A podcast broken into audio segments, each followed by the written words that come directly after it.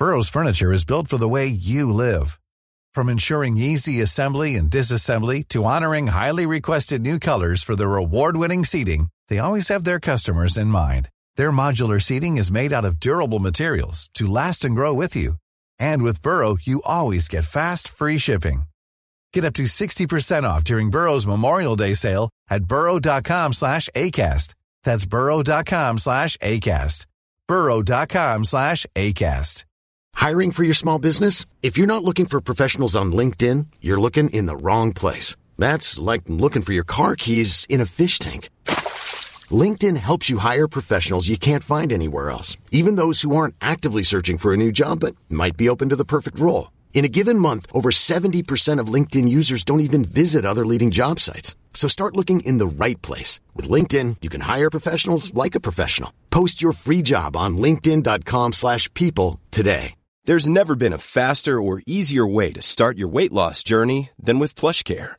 PlushCare accepts most insurance plans and gives you online access to board-certified physicians who can prescribe FDA-approved weight loss medications like Wigovi and Zepbound for those who qualify. Take charge of your health and speak with a board-certified physician about a weight loss plan that's right for you. Get started today at plushcare.com slash weight loss. That's plushcare.com slash weight loss. plushcare.com slash weight loss. Palmemordet Alf E del 2 Sveriges statsminister Olof Palme är död. 90 000. Ja, det är mord på Sveavägen. Hörde de säger att det är Palme som är skjuten. Mordvapnet med säkerhet är en Smith Wesson, en revolver kaliber .357. Inte ett svar. Det finns inte ett svar. För jag har inget. Polisen söker en man i 35 till 40-årsåldern med mörkt hår och lång mörk rock. Den 28 februari 1986 sköts Olof Palme till döds i korsningen Sveavägen-Tunnelgatan. Det känner ni ju ganska väl till vid det här laget.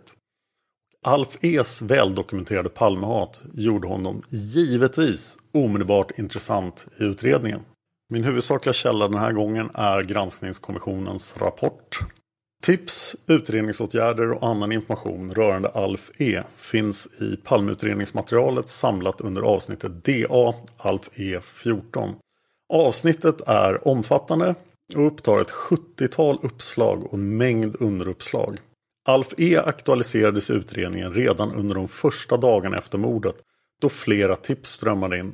Under den första månaden fick Palmeutredningen ta emot drygt ett 15-tal tips om Alf E de flesta tipsen var från personer som i pressen uppmärksammats dennes annonskampanj mot Olof Palme och det socialdemokratiska partiet. Men flera tipsare kände också Alf E mera personligen. Ett av de allra första tipsen till PU kom från en person som var bosatt i trakten av Alf E's bostad i Värmland, alltså Sölje herrgård. Personen påstod sig ha sett Alf E och en okänd man sittandes i en nedsmutsad blå Ford Granada vid 18-tiden lördagen den 1 mars 1986. Och det här kommer senare att motsägas då av Alf och kanske även av andra uppgifter. Ett annat tips som kom in under den första tiden var ett brev från en uppgiftslämnare som var nämndeman och deckarförfattarinna. Hon berättade att Alf E strax före julen 1985 kontaktat henne för ett möte. Vid mötet hade Alf E kommit att tala om Olof Palme och i detta sammanhang hade Alf bland annat uttalat Jag ska avsätta Palme fortare än du tror. Och Den dagen vi har röjt honom ur vägen kommer Socialdemokraterna att välja oss. Uppgiftslämnaren hade därefter erbjudits platsen som justitieminister i Alf E's framtida regering. I en promemoria från Säkerhetspolisen den 24 mars 1986 uppges Alf E's hatpropaganda mot Olof Palme vara känd av Säkerhetspolisen. Ja, det var ju för väl. Om de hade missat den så hade de inte varit mycket till Säkerhetspolis. I promemorian sägs dock att det inte var troligt att någon av Alf E's vänner skulle kunna ligga bakom mordet. Promemorian innehåller ett tillägg av innebörden att det dock mot bakgrund av alla tips mot Alf E var lämpligt att kontrollera honom. Den 31 mars 1986 besökte Säkerhetspolisen Alf E's bostad i Värmland. Besöket var föranlett av att Alf E begärt polisskydd för sina barn som gick i skola i Stockholm. Under besöket tillfrågades Alf E om vad han gjorde den 28 februari. Han berättade att han och Gio hade varit ensamma hela veckan i parets lägenhet på Norr Mälarstrand i Stockholm. Där hade de arbetat med ett utskick av pamfletten Läsning för Socialdemokrater del 4. Barnen hade sportlov och tillbringade detta i Värmland. Fredagen den 28 februari hade Alf E under dagen varit och handlat saker till huset. Tidigt under kvällen hade han och Gio ätit middag på restaurang Klas på hörnet. Därefter hade de återvänt till lägenheten där de ensamma tillbringat resten av kvällen. Alf E berättar också att han som någon slags ledare, som om, han om någon såsom ledare för organisationen Oppositionen inom socialdemokratin var intresserad av att Olof Palme fick leva kvar. Och det här är alltså Alfs första berättelse om vad han gjorde under mordnatten. Lars Borgnäs har en annan version och han skriver i En iskall vind drog genom Sverige. Just eh, den 26 februari, två dagar före mordet, gör Alf en besynnerlig rörelse. Han har i början av veckan tillsammans med sina barn och hustrun åkt till gården Sölje i västra Värmland för att fira sportlov. Ett av barnen har tagit med sig en kamrat. För att hjälpa till på gården har man hyrt in en 22-årig småländska som hästflicka. På onsdagen då, den här dagen, 26 februari, får Alf ett telefonsamtal från Stockholm och beslutar sig omedelbart för att åka tillbaka till Stockholm. Gio åker med, men i egen bil. De lämnar barnen och den unga barnflickan ensamma på gården. Senare talar Lars Borgnäs med hästflickan. Hon beskriver hur tvärt beslutet om Alfs avresa kom och hur hon ställdes på egen hand för att ta hand om den stora gården och de fem barnen. Huset hade stora brister. Avloppet fungerade inte. Det fanns får och hästar att sköta och ändå lämnas hon att ta hand om dem. Utan någon förvarning. Fast det var inget konstigt i och för sig sa hon. De gjorde sådana där saker ibland. Alf förklarade själv när Lars frågade om den brådstörtade avfärden till Stockholm att han hade fått bråttom att göra ett utskick av pamfletter till sina partimedlemmar. På kvällen samma dag, onsdagen den 26 februari 1986, går Lisbeth Palme och Olof på egen hand till en kinesrestaurang på Kornhamns torg i Gamla stan för att äta middag. Lisbeth Palme berättar efter mordet för Palmeutredarna i Rikskriminalens förhör i april-maj om restaurangbesöket. Vid det tillfället, står det i förhörsprotokollet, kom en ensam mansperson in på restaurangen efter makarna. Lisbeth Palme reagerade för denna person. Hon hade dock nu ingen minnesbild av mannens utseende och klädsel. Så vem ringde till Alf E? Och varför säger han själv att han hade varit i Stockholm hela veckan? Enligt en anteckning av polisöverintendent Hans Wranghult den 1 april 1986 hade Hans Holmér samma dag beslutat att det inte förelåg skäl för polisbevakning av Alf E och hans familj. I en promemoria upprättad den 16 april 1986 drog Säkerhetspolisen slutsatsen att det för närvarande inte fanns några tecken på att Alf E eller JOP skulle haft något samröre med mordet på Olof Palme. Till promemorian finns en handling fogad med anteckningen Hela Alf E-ärendet betecknas från Säkerhetspolisens sida som färdigbehandlat. Hädanefter och under resterande del av 1986 kom ytterligare ett knappt tiotal tips rörande Alf E och JOP. Men våren 1987 kom det ytterligare tips om Alf E. Ett av dessa innehöll uppgifter om att den före detta häradshövdingen Nils K under en flygresa i december 1985 mellan Karlstad och Stockholm kommit att samtala med en doktor som av övriga uppgifter att döma måste ha varit Alf E. Nu pratar vi alltså två månader innan mordet. Och under denna resa hade Alf E förevisat en attachéväska full med sedlar. Ett annat tips kom från en äldre man som arbetar som hjälpreda åt Alf E på dennes gård. Mannen berättade att Alf E åkte till Stockholm på uppdrag dagarna före mordet trots att det hade varit bestämt att familjen skulle åka till den stuga man hade i Dalarna under veckan eller i vart fall under veckoslutet. Senare hade Alf E vid ett tillfälle yttrat Nu ligger han där, han som tog min son ifrån mig. Så Alf E hade alltså inte bara en lägenhet i Stockholm på Norr Mälarstrand. Han hade en herrgård och han hade också en stuga i Dalarna. Så han verkar ha ganska stora ekonomiska resurser. Det fanns också en till hjälpreda här på gården fick vi reda på, förutom barnflickan. Vid denna tid, det vill säga under våren 1987, började Palmeutredningen på nytt att intressera sig för Alf E. Flera kompletterande förhör hölls, nya personer hörde av sig med tips och ett av tipsen kom från en kriminalinspektör som höll på att utreda en anmälan från Alf E mot en granne. Alf E hade i samband med utredningen och anmälan skrivit ett brev daterat i maj 1987 till kriminalinspektören. I brevet stod bland annat följande. Vi menar att Palme skrev under sin dödsdom när han tog min son ifrån mig.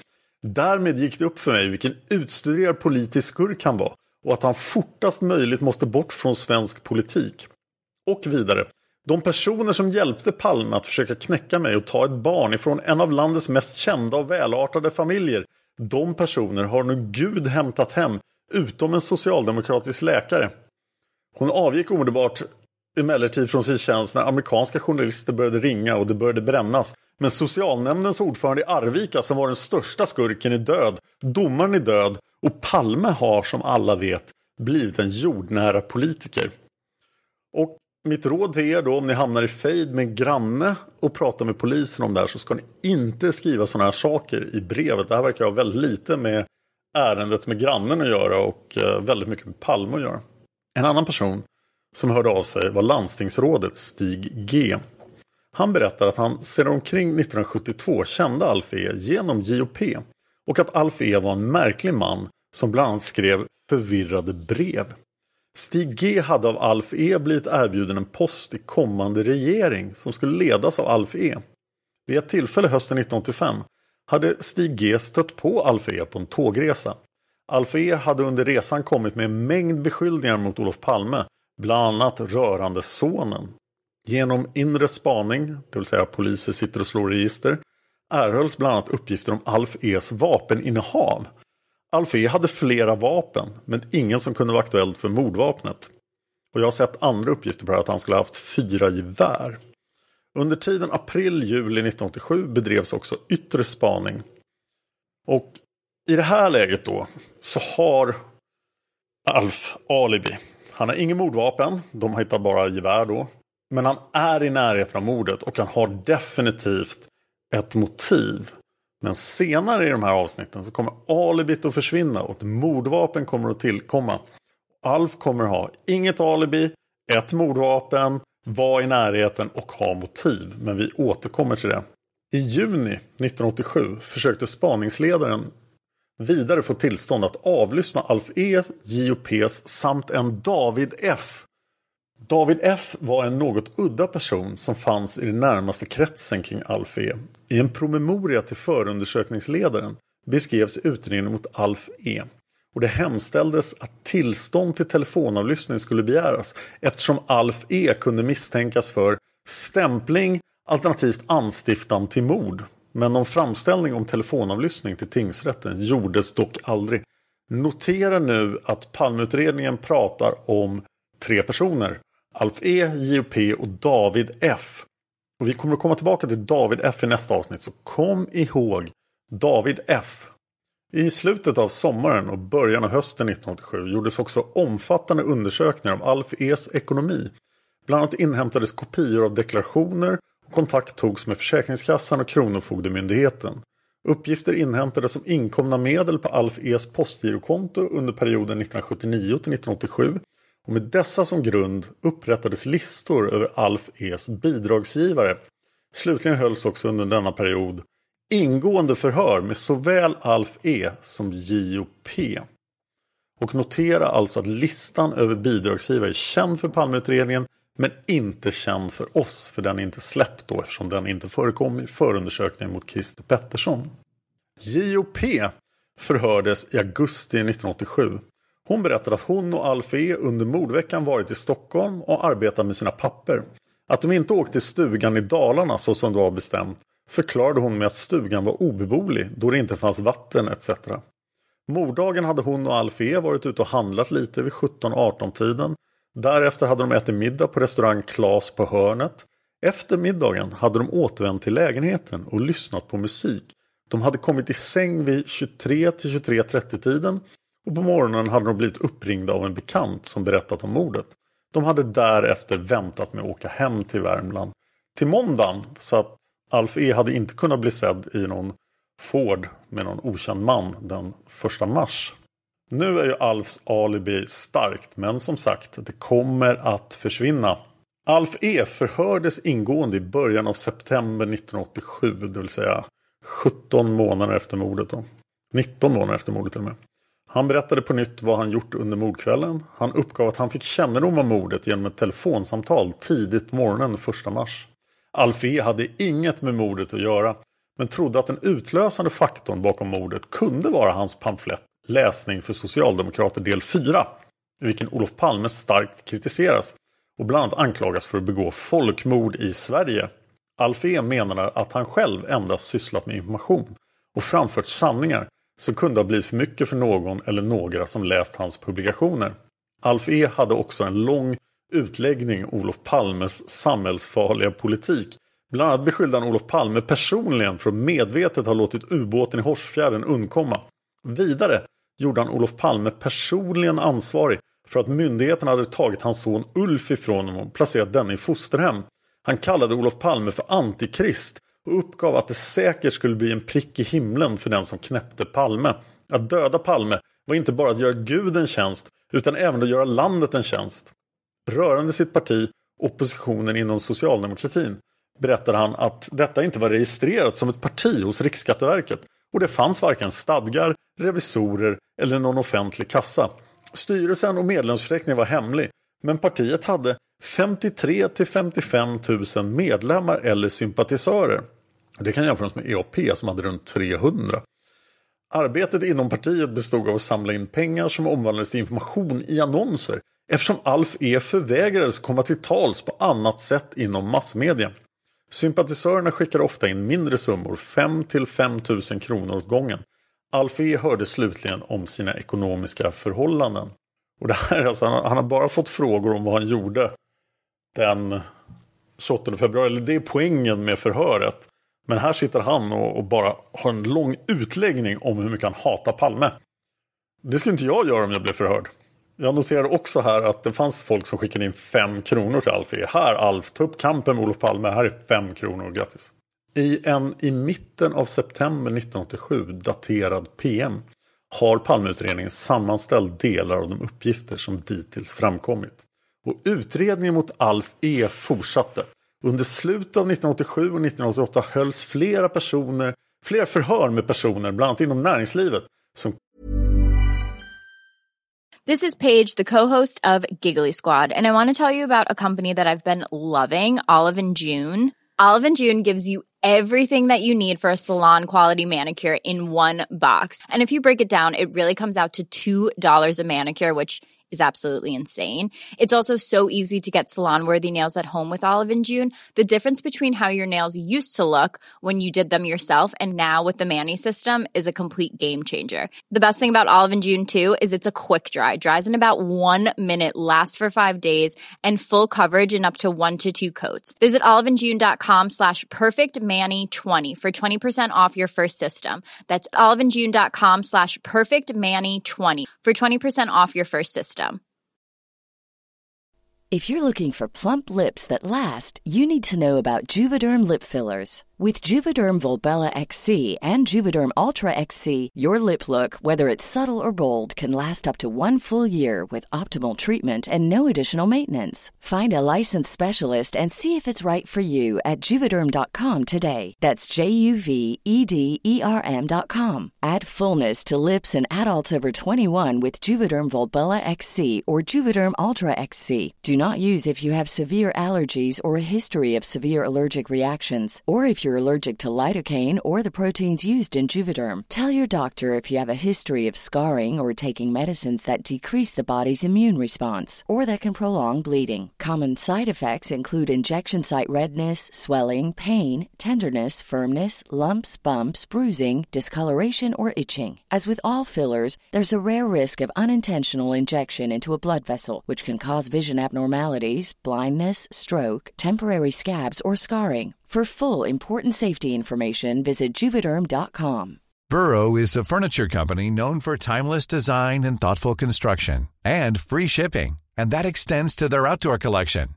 Their outdoor furniture is built to withstand the elements, featuring rust-proof stainless steel hardware, weather-ready teak, and quick-dry foam cushions. For Memorial Day, get 15% off your Burrow purchase at burrow.com slash ACAST and up to 25% off outdoor. That's up to 25% off outdoor furniture at burrow.com slash acast.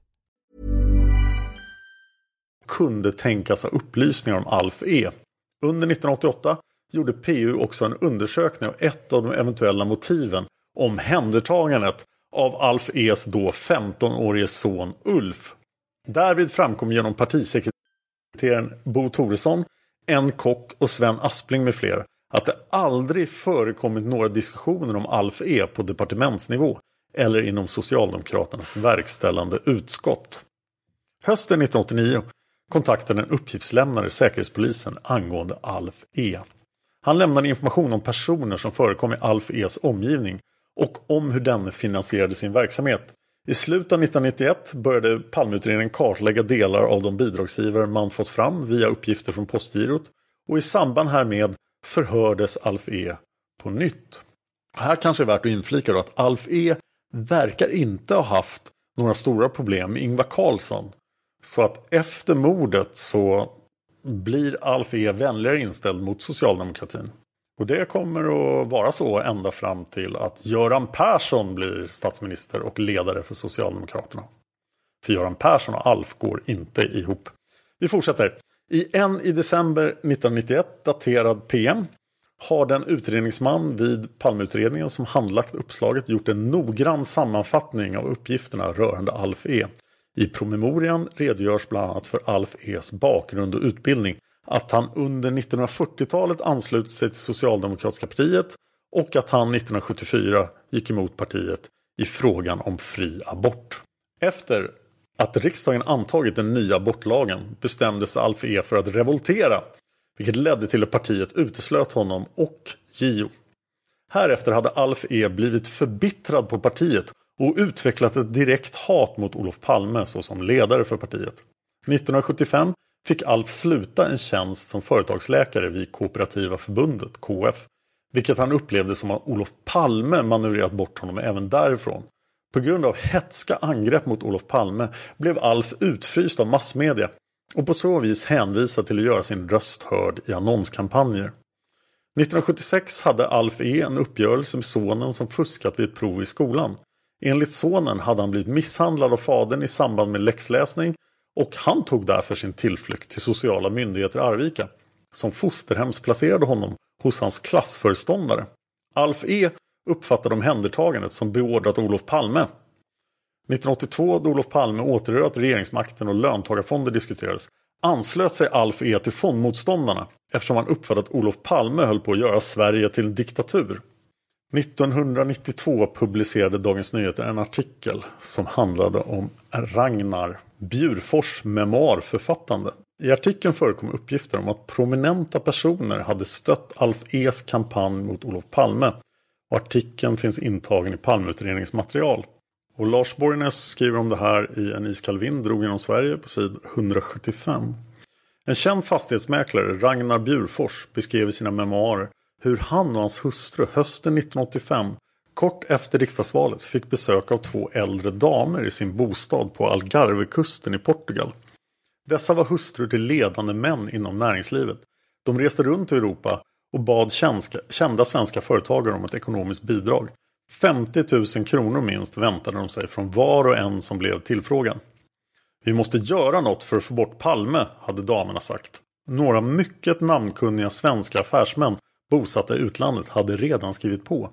Ragnar Bjurfors var dock inte intresserad. Jag slängde ut kärringarna, sa Ragnar till Lars Borgnäs när han blev intervjuad om saken 1992.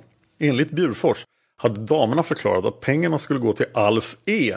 Läkaren som under många år drivit hetska annonskampanjer i pressen mot palmeismen och Palme. En av damerna hade Alf som husläkare. Hennes man hörde till bankvärldens toppar och var också starkt negativ mot Palme. Så vad skulle Alf göra med pengarna? När Borgnäs frågade Alf E långt senare förnekade Alf att han hade fått några pengar av det slaget. Men han berättade att han månaderna före mordet fått besök av personer som ville ha ekonomiskt stöd för att ta bort Palme med våld och det pratade vi om i förra avsnittet. Tillbaka till Palmeutredningen. 1992 och 1993 vidtogs vissa mindre omfattande utredningsåtgärder rörande Alf E. 1994 tog emellertid utredningen ny fart. Då förhördes bland annat Ragnar Bjurfors och dennes hustru. Och de berättade i princip samma saker. De berättade att de troligen i oktober 1985 fått besöka sin villa i Portugal och några namnkunniga personer med anknytning till svenskt näringsliv. De hade försökt förmå Ragnar Bjurfors att skänka pengar till Dr. Alf E's kampanj mot Olof Palme. Och i det sammanhanget angav de exempel på prominenta personer som redan skulle ha bidragit. Efter artikeln i Dagens Nyheter hade Ragnar B kontaktats av journalisterna Thomas Bresky och Lars Borgnäs som övertalat honom att ställa upp på en intervju. Intervjun hade emellertid inte kommit att sändas i tv, vilket Ragnar Bjurfors förmodade berodde på att tv-ledningen hade fått kalla fötter. Under 1994 inkom också flera nya tips rörande Alf E. Ett av tipsen kom från Bertil B. Bertil B berättade att han är en god vän som hade en auktionsfirma. Denna hade i sin firma sålt tillhörigheter som härrörde från Alf E's son. Bland godset i svarta plastsäckar hade anteckningsböcker som vittnade om kraftigt hat mot Olof Palme hittats. Anteckningsböckerna hade troligen förts till soptippen. Och den här uppgiftslämnaren är identisk med den man som 1997 till Palmeutredningen anmälde att han på mordkvällen hade mött Christer Pettersson på Brunkebergsåsen ovanför mordplatsen. Tipset föranledde ett antal förhör rörande Alf E's tidigare familjeförhållanden. Under 1994 förhördes också Alf E och JOP på nytt. Alf E uppgav vid detta tillfälle att han också stöttats av Wallenbergarna. Under 1995 och 96 inkom ytterligare tips om Alf E. Här inträffade också den så kallade Toblerone-affären med Mona Sahlin. Och Mona Sahlin drog tillbaka sin kandidatur för att bli partiledare för Socialdemokraterna. Jan Nygren och Ingela Thalén avböjde att ställa upp. Ingvar Carlsson blev efterträdd av Göran Persson. Den 16 mars 1996 utsågs Göran Persson till partiledare av det socialdemokratiska partiets extrakongress och den 21 mars 1996 blev Göran Persson statsminister och nu fick Alf E en ny fiende. Göran Persson, Alf E, ingen bra kombination. I april 1996 upprättade Palmeutredningen en ny sammanfattning av spaningsuppgifter rörande Alf E. Denna sammanfattning avslutas med följande konstaterande. Om man tror på en konspiration bakom mordet på Olof Palme finns det fortfarande mycket att rota i vad gäller Alf E. Och nu är vi tillbaka i en iskall vind drog inom Sverige igen när Lars Borgnäs pratar med Alf Andersson. Och Alf Andersson är alltså Palmespanaren som har trott på en konspiration, försökt väcka intresse hos spaningsledningen för någonting annat än hypotesen om en ensam förvirrad gärningsman. Tipsen som rör en konspiration har bara utretts som enskilda spaningsuppslag, sa Alf Andersson till Lars Borgnäs. Man frågar om vad de haft för sig på mordnatten men sen är förhöret slut. De kan ha medgett att de inte gillade Olof Palme men det här grävandet och analyserandet som skulle kunna få fram ett resultat, det hårda spaningsarbetet, det har inte gjorts på de här grupperna. Borgnäs frågar, det kräver systematik. Alf Andersson svarar, du måste ha resurser, tempo i utredning och arbeta hårt för att få förtroende så att du får veta något utöver de slentrianmässiga uppgifter man kan få fram om vad de gjorde under kvällen och så vidare. Borgnäs, kan du förklara varför man aldrig gått in på dessa saker? Alf Andersson, nivån på utredningen har varit för låg enligt min uppfattning. Man har följt mordbibeln, de föreskrifter som finns i en vanlig mordutredning. I palmutredningen har man haft väldigt lite experter. Vi borde ha skaffat in mer kunskap om det politiska avsnittet. De som man skulle kunna vilja förhöra och rannsaka, en del av dem är högstående personer i samhället.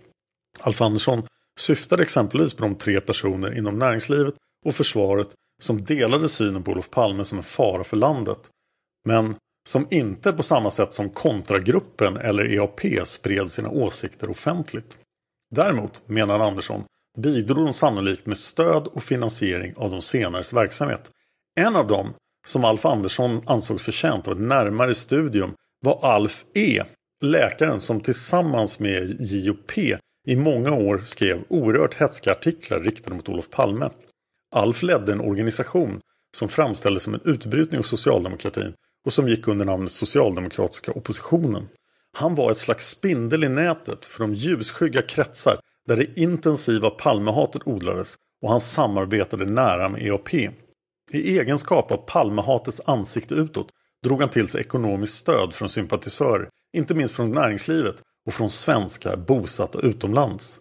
Enligt e hans egen uppgift bidrog han med stora belopp till EAPs finansiering. Det rörde sig om flera hundratusentals kronor. På detta sätt kunde finansiärer, som annars inte öppet ville redovisa att de stödde det icke rumsrena motståndet mot Palme, kanalisera pengar som ändå nådde denna undervegetation och resulterade i hetska angrepp mot Palme. Själv såg sig Alf E som politiker och ledare för den sanna socialdemokratin. Han drev i sina annonser en kamp mot vad han kallade palmeismen.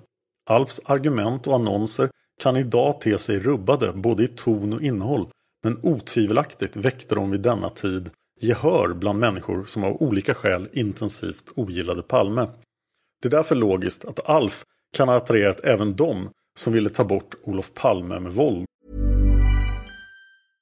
Imagine the softest sheets you've ever felt. Now imagine them getting even softer over time. That's what you'll feel with Bowl and Branch's organic cotton sheets. In a recent customer survey, 96% replied that Bowl and Branch sheets get softer with every wash. Start getting your best night's sleep in these sheets that get softer and softer for years to come. Try their sheets with a 30-night guarantee. Plus, get 15% off your first order at bowlandbranch.com. Code BUTTERY. Exclusions apply. See site for details.